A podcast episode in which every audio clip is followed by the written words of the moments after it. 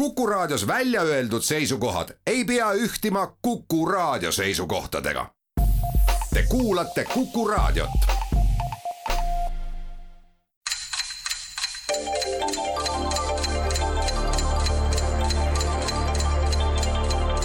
tarkade klubi antiikaja argised tarkused toob teieni Vana-Rooma argielu entsüklopeedia kirjastuselt Avita tere taas, Kuku raadio Tarkade klubi tervitab häid kuulajaid oma nime igati vääriva porikuu teisel laupäeval. see seni veel värviliste lehtede kuu väärib igati ka oma arvukaid paralleelnimetusi lisaks ladinakeelsele kaheksale, sest tõepoolest jagub meie kliimavöötmesse kolletamist, lehtede ja veel puudele kõlkuma jäänud viljade pudenemist, kosjakäiku, rooja ja viina ajamist kas või siinsamas Tartu maantee stuudio naabruses, kus enam kui sajandipikkune traditsioon väljendub akendest trammiga möödasõitjatele paistvate tootmisliinide näol, kus sõltuvalt nädalapäevast villitakse kas pruune, kollaseid või läbipaistvaid viskoosseid ja teinekord ka psühhofarmakoloogiliselt mõjuvaid rüüpeid. Aga sellel nüüd enam pikemalt ei peatu. oktoober on ka kuu, kus teadmised on endiselt hinnas ja enamik neist veel ka meeles. näiteks nädalal, kui rõõmustame Svante Pääbo ja teiste äramärkimist leidnud Nobeli laureaatide näol, kelledest me küll enamik enamik, olgem ausad, kuulnud ei ole. või kui need sfäärid vähe kaugemaks jäävad, siis hämmastume järsku elektrikellal ilmunud öiste ühesendiste tariifide üle ja kipume kuhjuma kõik energiat nõudvad kodused tegevused triikimisest kuni seapõsekeeduni ühele-kahele unetunnile, et rahakott ikka uue kuu alguses peenikest vilet laseks. see pikk ja faktidest kubisev krüptilinegi mõistukõne, mis äsja kõles, on sissejuhatuseks tänasele saatele, kus järgneva tunni jooksul kõlavad täpselt samasisulised ehk krüptikast ja kasututest faktidest kubisevad küsimused, mis kannavad koondnimetust mälumäng ja saatejuhil on hea meel, et hoolimata küsitavate faktide kasutusest on meie hulgast hulganisti neid, kes sellest kõigest siiski lugu peavad ja rõõmuga ikka kilvasündmustest osa võtavad. täna on nendeks meie head tuttavad, tere tulemast saates, head õigusspetsialistid, Majandus- ja Kommunikatsiooniministeeriumi jurist ja vabakutseline giid Hendrik Rank. tere! ja Tallinna Linnakantselei jurist ja vabakutseline ekskursant Andres Aas. tere! juristidest teisel pool lauda on istet võtnud aga oma maja inimesed. Postimehe teadus- ja tehnikat toimetaja, reaalainete erudiit ja minevikus vist kõikides eluvaldkondades toimetanud Marek Strandberg. Tervist! ja Mareki paarilisena kolumnist, ajaloolane ja Postimehe arvamustoimetaja Erkki Bahovski tere! hea meel, et te olete meiega. Teie heaks ja kuulajate rõõmuks on meil valmis seatud ka kümme küsimust järgnevatel teemadel, kui ajaloo ümberkirjutamine, Slava Ukraini, kultuur, loodus, ja Vaaria. Küsijad on täna Kivimäe kooli ajaloo ja ühiskonnaõpetusõpetaja Margus Pillau, Ingliranna patrioot Enno Sivadi, raadiokuulajad Tarmo Niinepuu, Jalmar Soorand ja Valeri Küpsis. alustame ja avavaliku õiguse saavad need, kes õuest üles tõstetud kraedega just stuudiosse tulid, nii et Andres ja Hendrik, palun. mis me siis võiks võtta, äkki ajaloo ümberkirjutamise? hakkame siis ümberkirjutamisega tegelema. see on üks intrigeeriv teema ja küsimus teile kõlab aastatel tuhat kaheksasada kolmteist kuni tuhat kaheksasada viiskümmend viis elanud Venemaa ajaloolane, keskaja ja varauusaja uurija Timofei Granovski oli põhiliselt Lääne-Euroopa maade vastavale perioodile keskendunud ta lõi oma teostega käsitletavast ajast ja sellega seotud inimestest, need olid siis valitsejad, väejuhid ja teised, tegelikult ühe süsteemse ja ühtlase ülevaate. antud sisuga teoste loomise käigus pani Granovski ühtlasi paika reeglid, kuidas erinevate ajalooliste isikute nimesid vene keeles tuleks kirjutada. ja see praktika sai peagi näiteks ka Brockhausi ja Efroni entsüklopeediates kinnistatud. aga ühes teatud lõigus oli siiski nimelt muutmise mõttes ümberkirjutamisega tegemist ja tänavu, täpselt kuu aega tagasi, võisid venelased seda üllatuslikult kogeda. ja mille konkreetsega seoses? Niisiis, Granovski paika pandud reeglid, aga kuskilt kuu aega tagasi täpselt said venelased nüüd üllatuslikult kogeda, et midagi on valesti. väga huvitav, kuu aega tagasi oli meil ju kaheksas september. jah. nii, nüüd tuleb ajusid tragistada, kas tuleb mõni tore uudis ehk sellisest päevast meelde? üllatuslikult kogeda midagi Ukrainas mm, või kuskil mujal, reeglid, kuidas tuleb vene keeles erinevaid valitsejaid kirjutada, mille võttis ka Brockhaus ja no olgu, nüüd me võime hakata arutlema, et kui me mõtleme, et kuu aega tagasi, mõtleme selle ühele toredale operatsioonile, mida venelased üritavad läbi viia, aga kas ma mõtlen see, et, et tänavasildid võeti ära ja tekitate segadust, see oli juba ammuilma mõtlen, et kas nad võisid selle tõttu kuskil eksitusse sattuda, aga sellisel juhul, mis muudatus huvitav võis olla. muidu ma oleks öelnud, et noh, kui on valitsejad, valitsejatel on ju tavaliselt äh, kas numbrid on olemas või siis neid tuntakse nende noh, nii-öelda liignimede järgi ja mm -hmm. aga jah, et just, eks ole, sellega seoses midagi oli noh, okei okay,, midagi et... oli. no olgu, no hakkame lõngakera siis arutama. just oli kuu aega tagasi ja see oli nende jaoks üllatuseks. mis võiks olla nende jaoks üllatuslik? et see seda, et, et mõnda nime lihtsalt on teistes keeltes teatakse või originaalkeeles teistmoodi, kõlab nagu kuidagi liiga lihtsana. kui me hakkame nii-öelda nende kohanimede peale mõtlema, millest siin kuu aega tagasi väga palju räägiti, siis sealt mul ei tule ka ühtegi pirni põlema kahjuks. et mõni valitseja oleks seal olnud just, kuigi jah, see uudis vist oli ka juba ära, et, et Kiiev võttis sisuliselt Moskvalt linnaõigused ära mm,. seda ma ei pannud tähele, võttis või see oli jah, üks huvitav, kuidas Kiievi Äh, kohalik omavalitsus siis otsustas ühe otsuse vastu võtta, et, et oih, üks väikene ajalooline viga sai parandatud, mm. küll aga kas see oli nüüd kuu aega tagasi?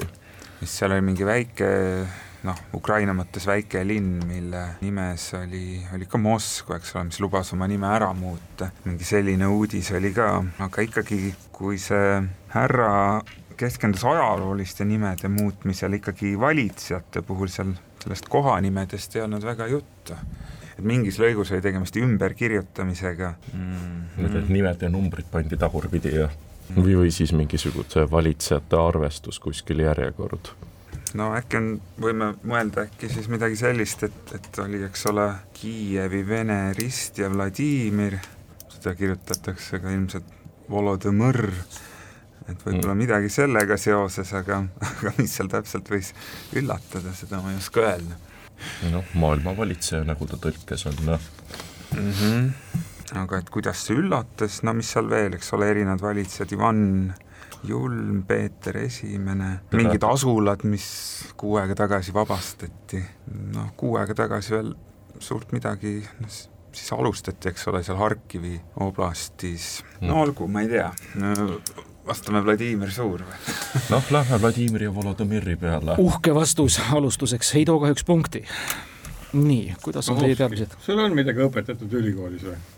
midagi on jah, aga küsimus on, kas ma suutsin sealt midagi omandada äh, jaa, noh see äh, Kiievi Vene ja, ja nii-öelda siis Moskva suurvürstiriigi nagu vahekord või suhe on nagu ilmselt see põhiline, et ja siin on jah küsimus, et kuidas neid äh, nimesid kirjutatakse, aga ajaloo ümberkirjutamine, noh, see ei ole veel see, eks ole, et sa kirjutad nime ümber, et see peab olema ka mingi nagu reaalne sündmus siis, mida nagu teistmoodi mõista, et äh, ja noh, teatavasti jah, et see, et äh, seal käib nagu kaks põhimõttelist vaidlust, eks ole, et üks on siis see, et noh, need on omavahel seotud muidugi, et kuivõrd palju siis äh, Moskva suurvürstiriik on siis Kiievi Vene nagu järeltulija, nii-öelda siis nii-öelda selle Kiievi Vene pärandi kandja. Ja kuivõrd, palju siis iseseisev on siis Ukraina õigeusu kirik. no seal on ju ka see lugu, et ega ju Püha Sofia katedraalis on ilmselt kõige vanemad kirillitsas kirjad üldse või graffiti või kuidas seda moodsalt nimetatakse, ehk et kas seesama Timofei muutis äkki siis seda järgnevust, mida nii-öelda venelased on püüdnud sel moel üles sättida, et sel ajal, kui Moskva kohal oli veel soo, oli juba Venemaa olemas ja kuigi asjad olid hoopis teistmoodi, et Kiievi Russ, nagu seda on õige öelda ähm,, oli ikkagi nii-öelda nii kirillitsa kasutamise kui kõige muu alus, aga kuidas see kuu aega tagasi ühtäkki venelastele nüüd nagu võis pähe karata. jah, ma mõtlen, et kas see on seotud äkki selle ristiusu vastuvõtmisega või, üheksasada kaheksakümmend kaheksa, eks ole, ristiusk võeti Venemaal omaks ja noh, venelased on siis seda nagu pidanud nagu Venemaa ristiusu alguseks, eks ole, aga noh, tegelikult ju võtsid selle vastu ikkagi Kiievi vene vürstid ja, ja noh, siit võiks ju järeldada, et äkki nad avastasid, et see ukrainlaste versioonis see ristiusk äh, Venemaal võeti vastu palju hiljem, et äkki see on sellega seotud. Noh, ja sealt muidugi võib hüpata veel nagu kuhugi mujale ka, see ei pruugi olla ilmtingimata seotud Ukrainaga, et me hakkame automaatselt mõtlema Ukrainast, aga siin on Ukrainast eraldi küsimuste plokk, et miks nad siis peaks tegema veel nagu eraldi küsimuse Ukrainast. No,. segaduse tekitamine no, segadus, see on, see on jah, see on tavaline jah ma ei tea, noh, siin on noh veel, eks ole, noh, kui me mõtleme nagu valitsejate nimede kirjutamisel, eks ole, siis noh, vene keeles ju kirjutatakse ka nagu lühendatult neid valitsejate nimesid, ma mõtlen nagu paavst, eks ole, et noh, et meie ütleme paavst Urbanus, eks ole, venelased ütlevad nagu Urban, no nagu inglise keeles kirjutatakse, et siin on nagu ka sarnasus, aga see läheb ikkagi jah, sinna usu peale et.... ega ajaloo ümberkirjutamise mõte, kui see Timofei, suur teadlane oli nagu oma tagasihoidlikus üsna lühikeses elus, ma vaatan tänapäeva mõttes neljakümne kahe aastases elus, nagu osav graafomaan, et mida ta siis nagu ümber võis kirjutada, et noh, järgnevusi, eks ole.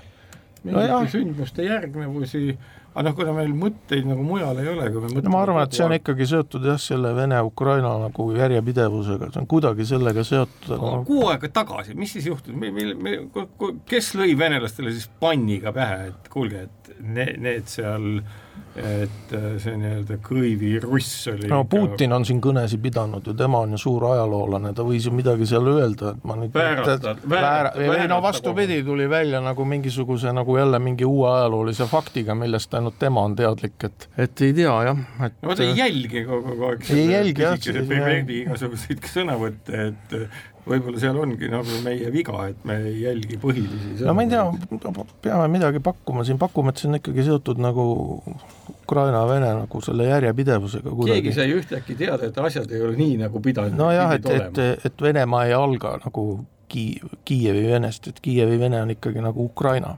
uhke vastus jälle null, kahjuks.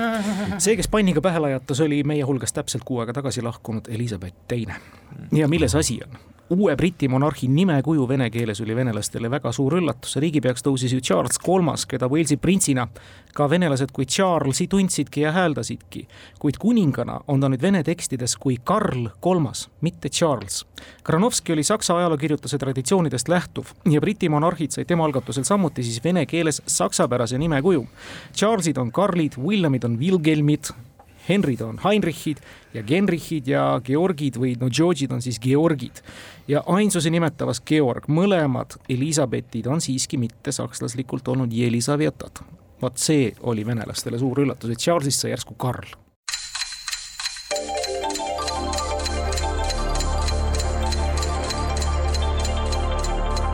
tarkade klubi antiikaja argised tarkused toob teieni Vana-Rooma argielu entsüklopeedia kirjastuselt Avita.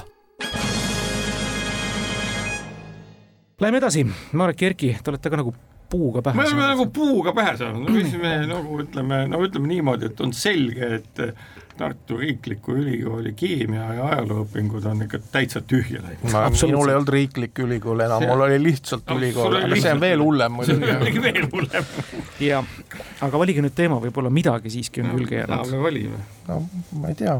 seda ei taha, seda ajalugu, mis sa tahad ajalugu? ei taha, see on las, las vastasvõistkond murrab hambaid siin. võtame vaari ja võtame jah, tulla midagi huvitavat. jaa, aastatel tuhat kaheksasada kuuskümmend viis kuni tuhat üheksasada nelikümmend neli elanud ameeriklasest inseneri konstruktori ja leiutaja, Marek Strandbergi kolleegi siis. jaa, sõber, ma tean juba teda, aga ma ei Walt, hakka ütlema. Walter Christie on tema nimi. Walter Christie ühe tuhande üheksasaja kolmekümne esimesest aastast pärit leiutise ühest modifikatsioonist oli poolteist, kaks kuud tagasi ka ühel teatud konkreetsel põhjustel Eestis palju juttu ja mis on see leiutis, mille kohta me küsime? Walter Christie, tuhat üheksasada kolmkümmend üks ja selle leiutise üks modifikatsioon, millest oli Eestis juttu poolteist, kaks kuud tagasi.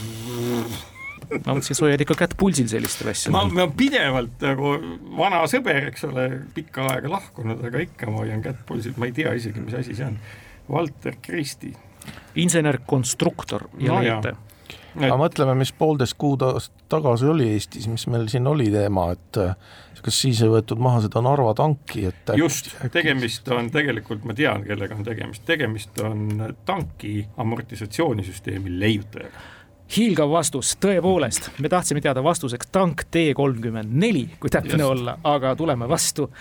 Selle prototüüp oli siis Kristi loodud üks tankidest nimega M tuhat üheksasada kolmkümmend üks, millest kaks Nõukogude Liitu müüdi ja seal siis BT2 nime all kasutusele võeti. lühend tähendab siis tank samuti Kristi leiutatud küünalvedustustega tuhande üheksasaja kolmekümne teisel poolel välja töötatud ja tootmisse antud T kolmkümmend neli on niisiis kõne all olnuks edasiarendusi, aga sellel on nii konstruktsiooni kui disaini mõttes ühtlasi ka mitmeid teisi eeskujusid. suurepärane, hiilgavad teadmised, mänguskoor on avatud, Marek Kirk, aga palun, Hendrik ja Andres. äkki teed seekord sa? võtke maagia, see on väga hea. veeduvustus, aurumasinad ja muu lihtne asi. ei, aga kuna meil eelmine kord juba te mõtted hakkasid seal Ukraina suunas liikuma, siis Slava Ukraini. Slava Ukraini ja üks loetelu kõigepealt. Viktor Petrenko esimesena Sergei Pupka, Jevhen Braslavets, Andrei Derizemlja, Olena Petrova, Deniss Slantsev järgnevate seas. On kandnud seda rolli, millega nad on niikuinii olnud nii kodu- kui välismaal sel konkreetsel hetkel fookuses. Aga tänagi jätkuva Ukraina sõja aegu oleks ja on küsitav tegu tegija poolt alati tähelepanu ja austust pälviv. ja mille konkreetsega on siis nimetatud mehed-naised teatud hetkel tegelenud? Viktor Petrenko, Sergei Bubka, Jevgen Braslavets, Andrei Derizemlja, Olena Petrova, Deniss Sõlantsev. no üks nimi oli kindlasti tuttav. ühe asi ühe peale kohe muidugi läksid silmad särama, et konkreetsega nad äh, tegelenud on, noh kindlasti teatud konkreetsel ajahetkel. teatud konkreetsel ajahetkel. olnud võidukad mm,? no ma tean, et eks ole, kindlasti üks neist on olnud maailmarekordi omanik oh, teatud jah. aja jooksul ja hiljem ta oli ka vist mingi spordialaliidu juht. küsimus on, mis tegu? ja mis tegu, mis täna näiteks Ukraina sõjaaegu oleks ju tegija poolt väga tähelepanu ja austust pälviv sõja ajal, no siis on huvitav, noh, vanasti oli väga tore, et kui olid olümpiamängud, siis just tehti sõdadesse paus sisse kui me hakkame, peaksime siit nii-öelda üritama spordilainele mõelda, aga austust pälviv tegu, huvitav, kas siin võib veel midagi olla? muidu oleks noh, see on vähemalt üks variant, aga huvitav, mis, mis asi, noh, okei okay,, olümpiamängudel muidugi sa kannad lippu mingi hetk. paneme pausi, see on õige, lipu kandmine oh. olümpiamängude avatseremoonial, sellega nad on kõik ühel konkreetsel hetkel tegelenud. no ja Ukraina sõjas, ma arvan, et kõik need lipuheiskajad tagasi vallutatud linnade hoonetel. tublid me teame seda tunnet. ja Hendrik ja Andres teadsid väga hästi jälle tanki, eks ole, nii et ei sattunud peale. üks-üks, me läheme rõõmsal viigiseisul edasi pärast kolme me, küsimust. mis me teeme, nagunii on, ütleme, järgmine küsimus on ka insenerist, kes on näiteks leiutanud äh, Žiguli autovedustuse sina, ma ei tea, võtame siis teise vaaria veel. võtame teise vaaria veel, jätame teised ja... tühjade kätega. ja see tuleb siis nüüd kuulajad Enno Sivadi Ingli rannast kes küsib meie tuntumaid folkloriste ja Eesti ulmekirjanduse rajajaid Mattias Johan Eisen on märkinud, et Saaremaal kannab vanapagana poeg Kuriti või Koriti nime. vanapagana naise nimi aga pärinenud suisa piiblist sellise nimega on Johannes nimetanud hoorade ja kõikide hirmsate asjade ja kurjade vaimude eluaset piiblis siis millist nime kannab või kandis siis Eiseni andmetel vanapagana naine. muuseas, sellenimeline tegelaskuju esines ka nüüdistantsu lavastuses Saare äratus, mille esietendus toimus Riigi Filharmoonias viis aastat tagasi. Marek Strandberg oli kindlasti esireas. jaa, ei olnud nii, nüüdistantsu äh, etendusi sai külastada. ma, ma, ma olin lavastaja ja kehastasin seda, aga sellest on nii pikk aeg möödas, et ma ei mäleta sellest niisiis, vanapagana naise nimi Eiseni andmetel, kui piiblis on teda mainitud, tuntud ja Johannes on teda nimetanud hoorade ja kõikide hirmsate asjade ja kurjade vaimude eluasemeks. hoorade ja kurjade vaimude aga milline Johannes, kas risti Johannes või Apostel Johannes? seda pole täpsustatud. no vot. seal nüüd, seal nüüd on, küsimus on poolik kas sellest oleks abi, kui sa teaksid? ei vist mitte, aga lihtsalt noh, selles mõttes, et, et üks on ju Uus Testament ja teine on Vana Testament. no ma arvan, et äh, Apostel, Vana Testamendi mees ikka ei, Apostel on just uus. Apostel on Uue Testamendi. no vot nagu kõik on sassis mm, -hmm. selles mõttes, et praegu ilmselt kõik usumehed nagu krigistavad, ütlevad, no nii lolli inimesed. no keemiateaduskond, kõik noogutavad pead ja. ei andnud selles osas. ei, ma arvan, et see ikkagi viide on Vana Testamendi omale jah, vastust teades. Risti Johannes, et seal oli, eks ole, seal oli see, eks ole, et äh, vähemalt äh, Salome oli see, kes nõudis selle Johannese pea mahalöömist ja löödi ka, on ju. aga ma ei tea, et Salomeesi oleks nagu hooradeks kutsutud või, või tähendab, hoori oleks Salomeedeks kutsutud, aga see on mul ainuke pidev kohaks äh, sellel, sellel folklooris on si kuriti naisel on kohanimi, mitte inimese nimi, sain ma aru, kuulame veel kord seda. jah, täpselt vanapagana poeg on siis Kurit ja vanapagana naine on pärinud nime siis piiblist. ja see on kohanimi jah, eluase. eluase hoorade kõikide hirmsate asjade ja kurjade vaimude eluase. hoorade eluase, nojah, see, et seal, kus nagu hoorati, need olid Soodom ja Gomorra, on ju, aga ma ei tea, nagu Eestis oleks ühtegi niisugune, ei, kuule, aga on ju, Soodom on ju kohanimi ka ju, on ju, kuskil Lõuna-Eestis on ju. Soode vahe, Soodom no. sõna soo tulebki sellest tõenäoliselt. aga ma ei tea, et ma olen küll Eiseni ka lugenud, aga seda muidugi hästi-hästi ammu, et see, see tema need kogutud teosed on ikka päris suured, ma ei tea. ega me ei oska midagi, oota, võtame üks võimalus on öelda, et see ongi siis äh, kedagi kutsuda, Soodomiks. et äh, vanapagana naine, Soodom, laps, kurit. no ma ei tea. kes su ema on? Soodom, täitsa nagu eesti keeles kostub, ütleb, aga mis me veel saame nagu, nagu no see võib jah, mingi eestipärane olla, noh piiblist, eks ole, nii-öelda eestipäraseks muudetud nimi on ju. Aga piibli naistegelasi, no neid on seal ju hästi palju, et äh, ei tea jah. ei, seal ei ole mitte naistegelase küsimus, vaid kus oli nagu koht koht, jah. mina tean, nüüd on, Lõuna-Eestis on ju Soodom või on Gomorra ka, ei ole, no ikka Soodom jah. jääb Soodom. Komorovka on näiteks no, olemas kindlasti. jaa, aga see ei ole enam Eestis, aga jätame Soodomi siis. ei ole kahjuks õige vastus no,. Hendrik ja Andres. ongi jah. no nii, Andres mis asja, ma, ma olen väga korralik inimene, ma selliseid asju ei tea. see elupaik, see hirmus koht, see on ühtlasi vanapagana naise nimi. ei, ma tean okay. väga hirmsaid kohti, et mõni isegi paistab siit aknast mm. -hmm mm. -hmm. Soodom ja Gomorra on vist äh, möödas, kes seal veel olid, vilistid olid hästi hirmsad tegelased, aga see mõttes ka koht. tegemist on Paabeliga, täpselt. ja täpne nimetus vanakuradi naisele oli siis Babylona, viide siis Paabeli tornile. teine punkt, nii et äh, näkkasite püüdsite ja näkkasite väga hästi. kaks-üks, pärast nelja küsimust on Hendrik Andres haaranud eduseisu, te saate ka nüüd teema valida, vaariat enam mitte. no aga võta midagi uut kas kultuur sobib meile? no hakkab sobima. proovime. Jalmar Soorand, hea kuulaja, küsib, kes on või kes oli see inglise kirjanik, ajakirjanik ja üks maailma juhtivaid õlleeksperte eluaastat tuhat üheksasada nelikümmend kaks kuni kaks tuhat seitse, kes sai õlleringkondades tuntuks oma tuhande üheksasaja seitsmekümne seitsmendal aastal avaldatud Guide to Beer raamatuga tema nime arvate ära, kui teate, kes omakorda oli see kahe tuhande üheksandal aastal meie hulgast lahkunud Ameerika kuningas, kes üheksakümne neljandal aastal abiellus ühe teise Ameerika kuninga tütrega Dominikaani vabariigis. ja lisaks oli too nimekaim ka väga lähedane ühe Euroopa printsessiga. Hendrik noogutab rõõmsalt ma olen seda raamatut lugenud. Nii et kui ma just valesti ei mäleta, siis see oli Michael Jackson. väga õige! Ja tasub seesuguseid raamatuid kui teejuht õllede maailma lugeda noogutab ka vastaspool kaasa. Michael Jackson see on ja viide oli siis tõepoolest ja see nimetus kuningas oli pandud jutumärkidesse -hmm. autor palus ekstra, et ma seda välja ei tooks. nimetatud kuningas siis tõepoolest popikuningas Michael Jackson, rock n rolli kuningas Elvis Presley, kellega tütrega ta abiellus, Euroopa printsess, kellega oli siis too nimega väga lähedane, oli loomulikult Diana. -hmm. kuulge väga hästi, lähete ja kulgete kolm punkti poole mängu peal Marek ja Erki ühe vastu, aga Marekil ja Erkil pole midagi veel lahti õiged valikud, õiged teemad. kinni, tšakrad on kinni. tšakrad on kinni, kas vajate kõrvalist abi äkki? alati vajalik eh, selles mõttes, võtame ka kultuuri selles no, mõttes, et ega tundub, et mõtlemise soolikaga on täna veidi kehvasti. kultuuri küsimus, rõhutame sõna kultuur. detsembris kaks tuhat kümme pani üks Tuneesia kaupmees ennast põlema ning sellest sügise ja talve piiril aset leidnud sündmusest vallandus Araabia kevad. ajalukku läinud ja kogu maailmas palju mõju avaldanud revolutsiooniline protsess.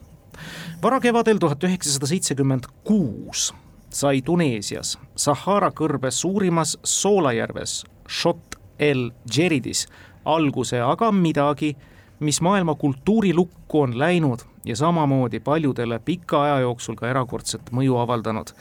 millest täpselt on jutt? järgmisel, tuhande üheksasaja seitsmekümne seitsmenda aasta hiliskevadel sai see kõikide jaoks avalikuks tuhat üheksasada seitsekümmend seitse sai avalikuks mm -hmm., huvitav, kas see oli siis mingisugune kirjandusteos või filmi nagu Soolajärvel tehta? mida sealt ikka leida on, et kust, noh, Soolajärv ei ole ju vedel.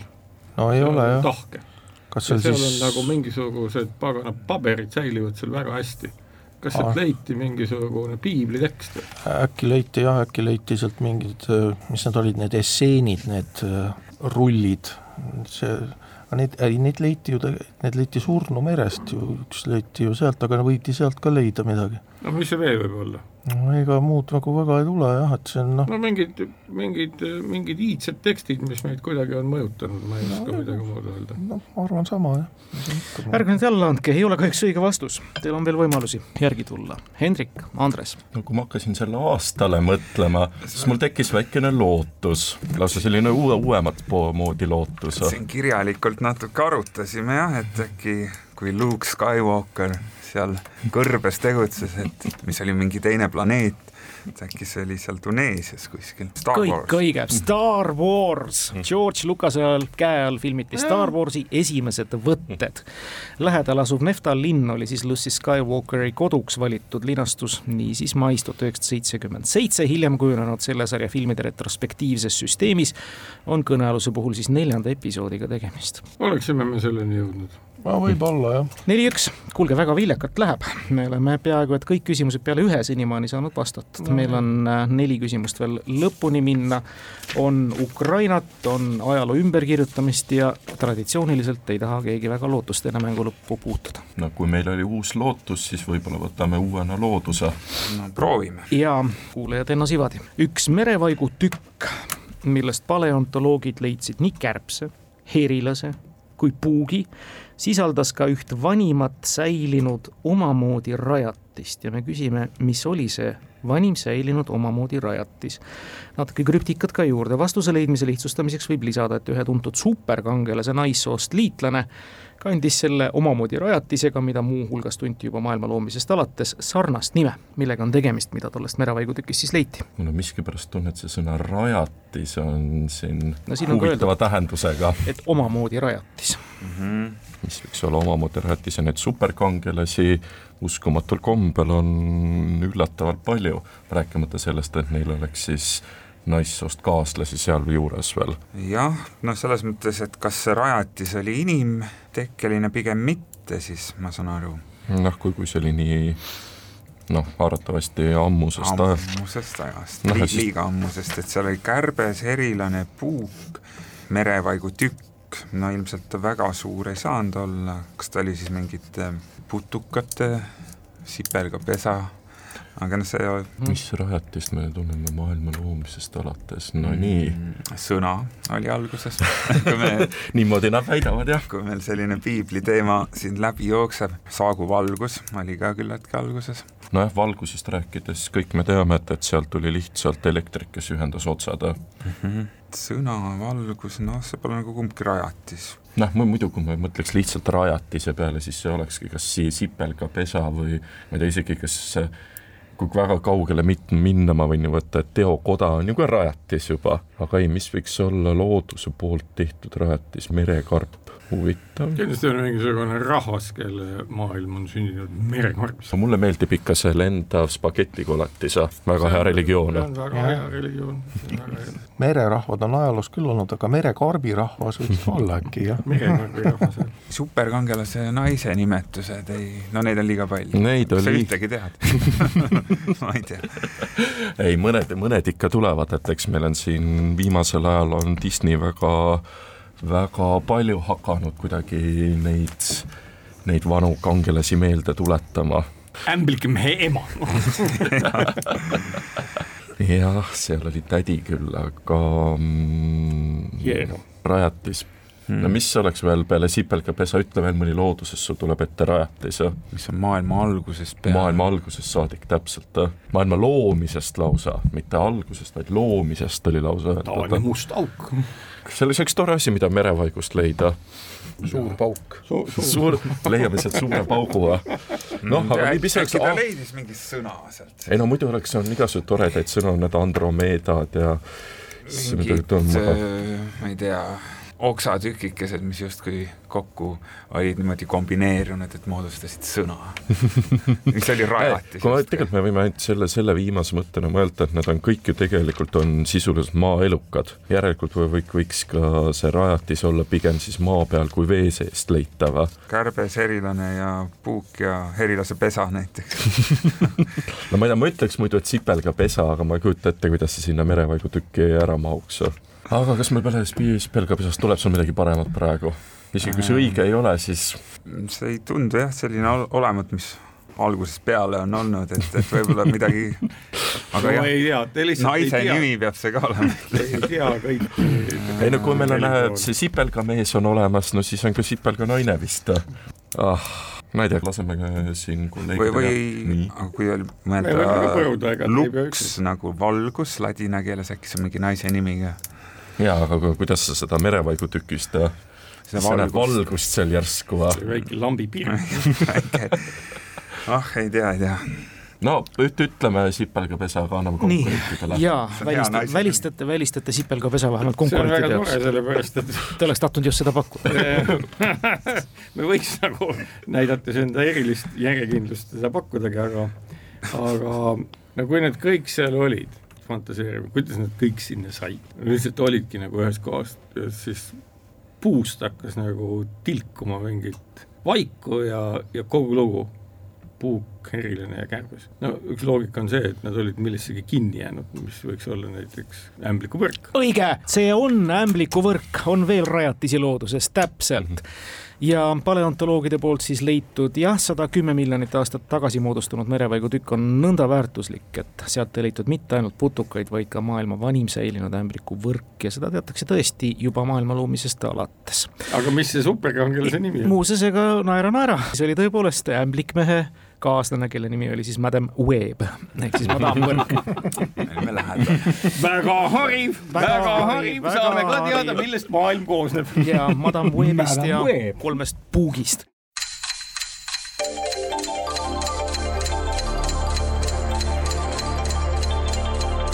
tarkade klubi antiikaja argised tarkused toob teieni Vana-Rooma argielu entsüklopeedia kirjastuselt Avita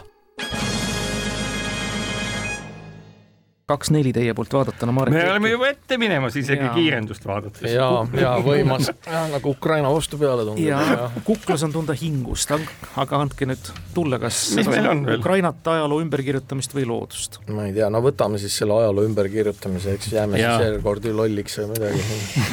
nii, see küsimus teile kõlab, mida enam Venemaa valitsev režiim oma upsakuses ja ülbuses imperialismi ning šovinismi virvatulukestest lummatuna holopi mentaliteediga inimkarja enda ees ajades sügavale sohu sammunud on, seda enam see ajaloolise tõe eest seisjaid ühtlasi ka ajaloo ümberkirjutamises süüdistanud on aga tegelikult on siis, nagu teame, Putin ise ja tema jüngrid vastavates moonutamistes olnud kõige agaramad. nüüd küsimuse juurde. tänavu Ukraina vastase agressiooni alguses Kiievi delegatsiooniga läbirääkimisi pidanud esinduse juht Vladimir Medinski oli varem pikka aega Venemaa kultuuriministri ametis. aastal kaks tuhat kolmteist tuli ta lagedale väitega, mis ühte ammu ilmselget ja uurijate poolt mitte vaidlustatud fakti ajaloos täielikult ja raevukaltki eitab. tegemist on konkreetse ühte teatud isikut puudutava tõigaga ja aktuaalne oli see üheksa aastat tagasi, kui mainitud tegelasest valmis elulooline film. milline fakt ja kelle kohta? kaks tuhat kolmteist ja eluloo film, no üheksa aastat tagasi oligi kaks tuhat kolmteist jah, et mis see siis võis olla, et ja kultuuriminister toonane? no kultuuriminister filmid olid ju mingisugused oota, ma just mõtlen, et see oota, suur pahandus oli Stalini surmaga ju. üks asi oli see keelati ära ju Venemaal. see keelati ära ja siis oli veel mingisugune film, mis puudutas seda, kuidas seal üks või teine tsaar pidas endal seda armukest, jah. ja baleriinide võrgustikku, et nagu selles mõttes need kaks asja ongi, kas Stalini surm või siis see, kus noh, nii-öelda põhimõtteliselt Vene tsaar tegi härra Epsteini omal ajal nojah, Nikolai Teine, see oli Vene viimane tsaar, eks ole, jutt käib temast. ja noh, ma olen seda mõlemat näinud, noh see Stalini surm on muidugi hulka parem, et, aga kas Stalini surm oli Venemaal keelatud?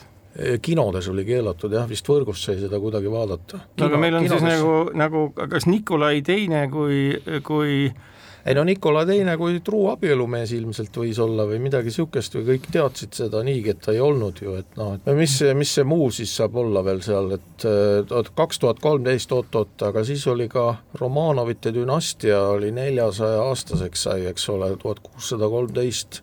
No see oli ikkagi Nikolai Teisega seotud ja ma mõtlen, et kuidas siis see Romanovite dünastia võiks olla nagu sellega seotud, et ei no film, kus noh nii-öelda seal oli ikka jutt filmist, eks ole, jah mm? -hmm. filmist jah, no ongi ju kaks, eks ole, tsaarist mm -hmm. ja, ja punasest tsaarist. ja punasest tsaarist, kahest tsaarist on film rohkem me ei oska nagu mõelda, kas see mina... Stalini surm võis olla ka hiljem, ma ei ole nii sada protsenti no Stalini surm oli niisugune koomiline, eks ole. ei, see oli päris hea must huumor, jah. jaa, et nagu selles mõttes aga noh, nii-öelda ega noh, Vene kultuuriminister, who cares, mingi Stalin, eks ole, et noh, see ei ole, ma arvan, et nagu seal hakkas nagu peale juba see niisugune noh, imper-, noh, Putinit tuli ju tsaarina ülistada, eks ole.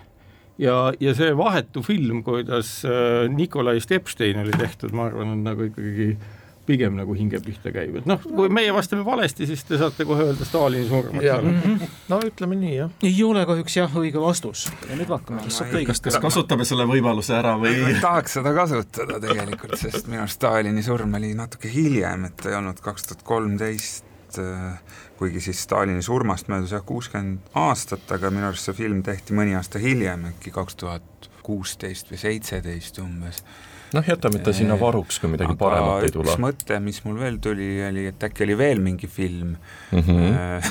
Tšaikovskist ja, ja siis ta eitas, ja seal oli võib-olla mingi homoseksuaalsus. suurepärased teadmised, see tõepoolest puudutas Pjotor Tšaikovskit ja tema homoseksuaalsust. seal on elanud nii palju pätte, et nagu selles mõttes on nagu kõik ju täiesti õiged ja seal on nagu jätkuvalt kaabakaid, kes nagu muretsevad millegi pärast ja nii edasi. ja, ja nõnda ongi, omal ajal muuseas ei eitanud vastavaid kalduvusi Tšaikovski isegi, aga muidugi ta neid ka avalikult esile ei tõstnud, Medinski hakkas neid siis raevukalt eitama. nõnda, vist tuli siit võidupunkt ära, viis-kaks on Tallinna poolt, vabandust, Hendrik Andrese poolt vaadatuna seis, Marek Erki on väärilist meie oleme siin see Tartu Postimees. ja ning kaks küsimust lõpuni minna, loodust või Ukrainat, Hendrik ja Andres? võtame pigem Ukrainat.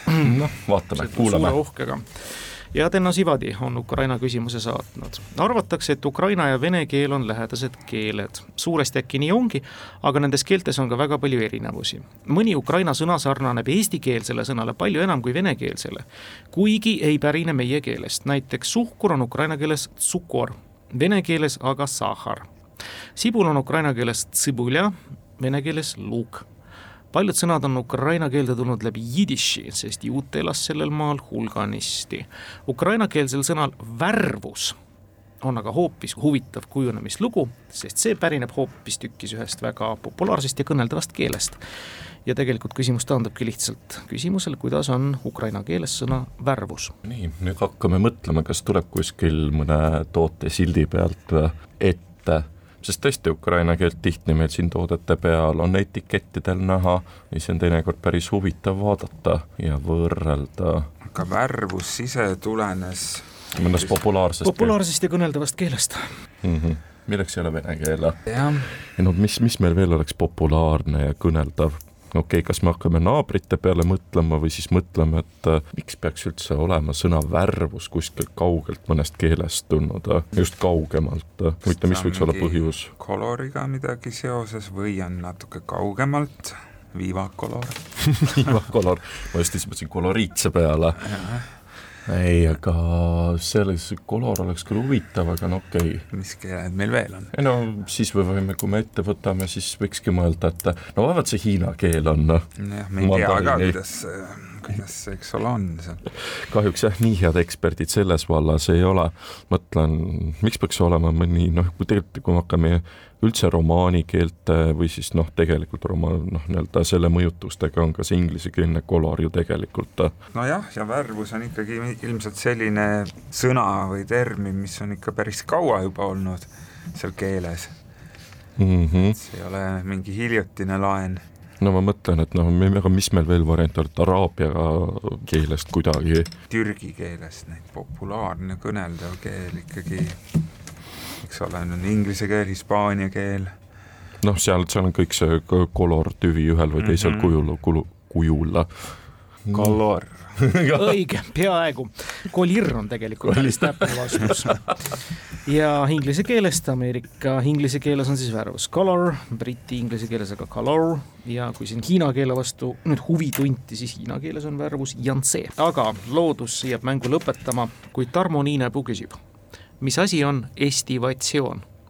Mida teevad erinevad molluskid, näiteks teatud liiki teod Austraalias, ka mõned putukad, näiteks lepatriinud ja mõned Põhja-Ameerika kõrbes elavad kilpkonnad ja salamandrid. on teada ka mõningatest kalaliikidest Aafrikas kes siis harrastavad estivatsiooni. imetajatest muide on teada ühest Aafrika leemuririigist ja peamiselt Aafrikas elavast siilist estivatsioon on levinud piirkondades, kus selline käitumine on kohastumuslik ja meie piirkonnas tehakse selle mingis mõttes vastastegevust või vastandit, vastandlikku tegevust. estivatsioon, meie, meie kasvatame paksu nahka, teised ajavad naha maha või mis veel? meil loetakse ka nahka maha, rästikud ajavad ka nahka. ajavad, ajavad. siilid. Aafrika siilid. Aafrika siilid tegelevad estivatsiooniga meil on antiestivatsioon. antiestivatsioon jah, aestivatsioon. no jaa, ma ei tea, mida see sõna tähendab. Noh, see lõpp, eks ole, et see on mingisugune protsess, on ju, aga ma mõtlen, et see est siis tuleb, kas see tuleb ladina keelest või, sõna olema. aga ei tea jah, et see, meil on nagu vastasprotsess mm. -hmm. meil ju, oota, mis meil oli ju looduses, on meil ju see, et need loomakesed, mõned ju kasvatavad endale mingi suurema kasuka talveks, ei ole või? ajavad karvu, tekitavad karvu, meil ajavad ka kõik loomad karvu, siilid ajavad okkad maha. Eesti veeritud siil see kõlab nagu kulinaariatoode no vot, see on nagu hea, et ja, kindlasti on sellel olemas lihtne eestikeelne nimetus. siil kohtub Aafrikas kalaga, kuule, kas sa oled juba estiveerunud kuidas estivatsioon kulges? kuidas läks estivatsioon? ei tea, kuidagi natuke ebamugav oli sedapuhku no me saamegi tänastest loodusküsimustest häid nalju teha. jaa, ei seda küll, aga, aga ma mõtlen, mis asi see olla võib, noh, mida teeb kala, mida teeb siin kilpkonn? kala on kuival. no tulen natuke teile vastu, vaadates teie natuke õnnetut olemist. ja me oleme väga õnnetud muidugi aga te võite vastust otsida ka ühest tuntud Shakespeare'i teose pealkirjast palju lihtsamaks läks, eks ju? ei läinud. Shakespeare'i teose pealkiri, no üks on, üks on Suve unenägu, siis on Veneetsia kaupmees, noh, Hamlet, noh muidugi Otello, mis seal veel on need Shakespeare'i teosed, neid on muidugi palju, et, et Nad on suveunes täpselt, nad on suveunes, estivatsioon on suvine uni. Ja meil teadupoolest lähevad imetajad enamasti ikkagi talveunne. aga suveuni seal Aafrikas ongi et lõuna pool on ju täpselt, täpselt. Ja see on kohastumuslik, nagu küsimuses sai ka öeldud, seal no. ei ole muud varianti selle palavaga, magase lihtsalt maha. vot Enne... see on hea, kirjanduse asjatundja ongi kohe kõrval võtta. aga head sõbrad, enne kui nüüd saate lõpetame, meie traditsioon näeb ette ka siis parima kuuldud küsimuse hindamise. Need olid kõik väga head, sellepärast me ei teadnud tuhkagi midagi no estivatsiooni ikka teadsid? no estivatsiooni ja tankivedru me olemegi selle asja tundnud. laiahaardelised teadmised sellest. see Charles ja Karl oli ka päris hea. see oli väga hea, see oli päris väga hea küsimus. niisiis, Margus Pillo loodud küsimus varauusaja uurijas Timofei Granovskist, kes ajas nii-öelda oma reeglistikuga venelastele juhtme kokku ja takka andis sellele enese teadmata ka Elizabeth Teine või siis Charles Kolmas, venelastele Karl Kolmas. aitäh, Marek Erki, tänase saatega liitumast, aitäh, Andres ja aitäh, Hendrik, täna tulemast, ilusat sügise jätku teile ja kuulmisteni! hoolega hoitud auhinnad toob kohale Smartpost Itella. lõpetame saate nagu ikka kuulajamänguga eelmisel nädalal küsisime saate lõpetuseks küsimuse ühe referendumi kohta kolmkümmend üks aastat tagasi, mis toona viie miljoni elanikuga linnas aset leidis ja kus ühes põhimõttelises küsimuses andsid referendumil osalejad jaatava vastuse. linna linnapea kutsus seda tulemust linna renessansiks see referendum toimus toonases Leningradis ja küsimus, mida hääletati, oli linna endisaegse nime Sankt-Peterburg taastamine, mis ka teoks sai. kõige õigesti vastanute seast naeratas loosiõnn kuulaja Mart Reitelile. palju õnne, teiega võtame ühendust. uus nädala küsimus kõlab aga järgmiselt.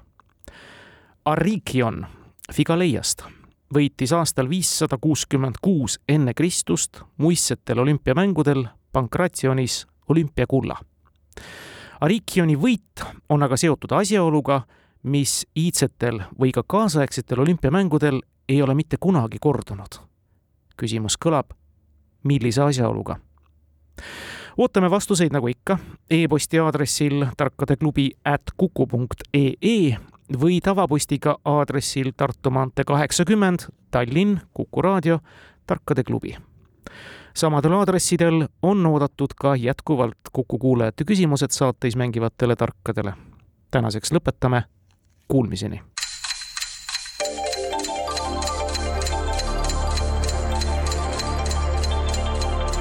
tarkade klubi antiikaja argised tarkused toob teieni Vana-Rooma argielu entsüklopeedia kirjastuselt Avita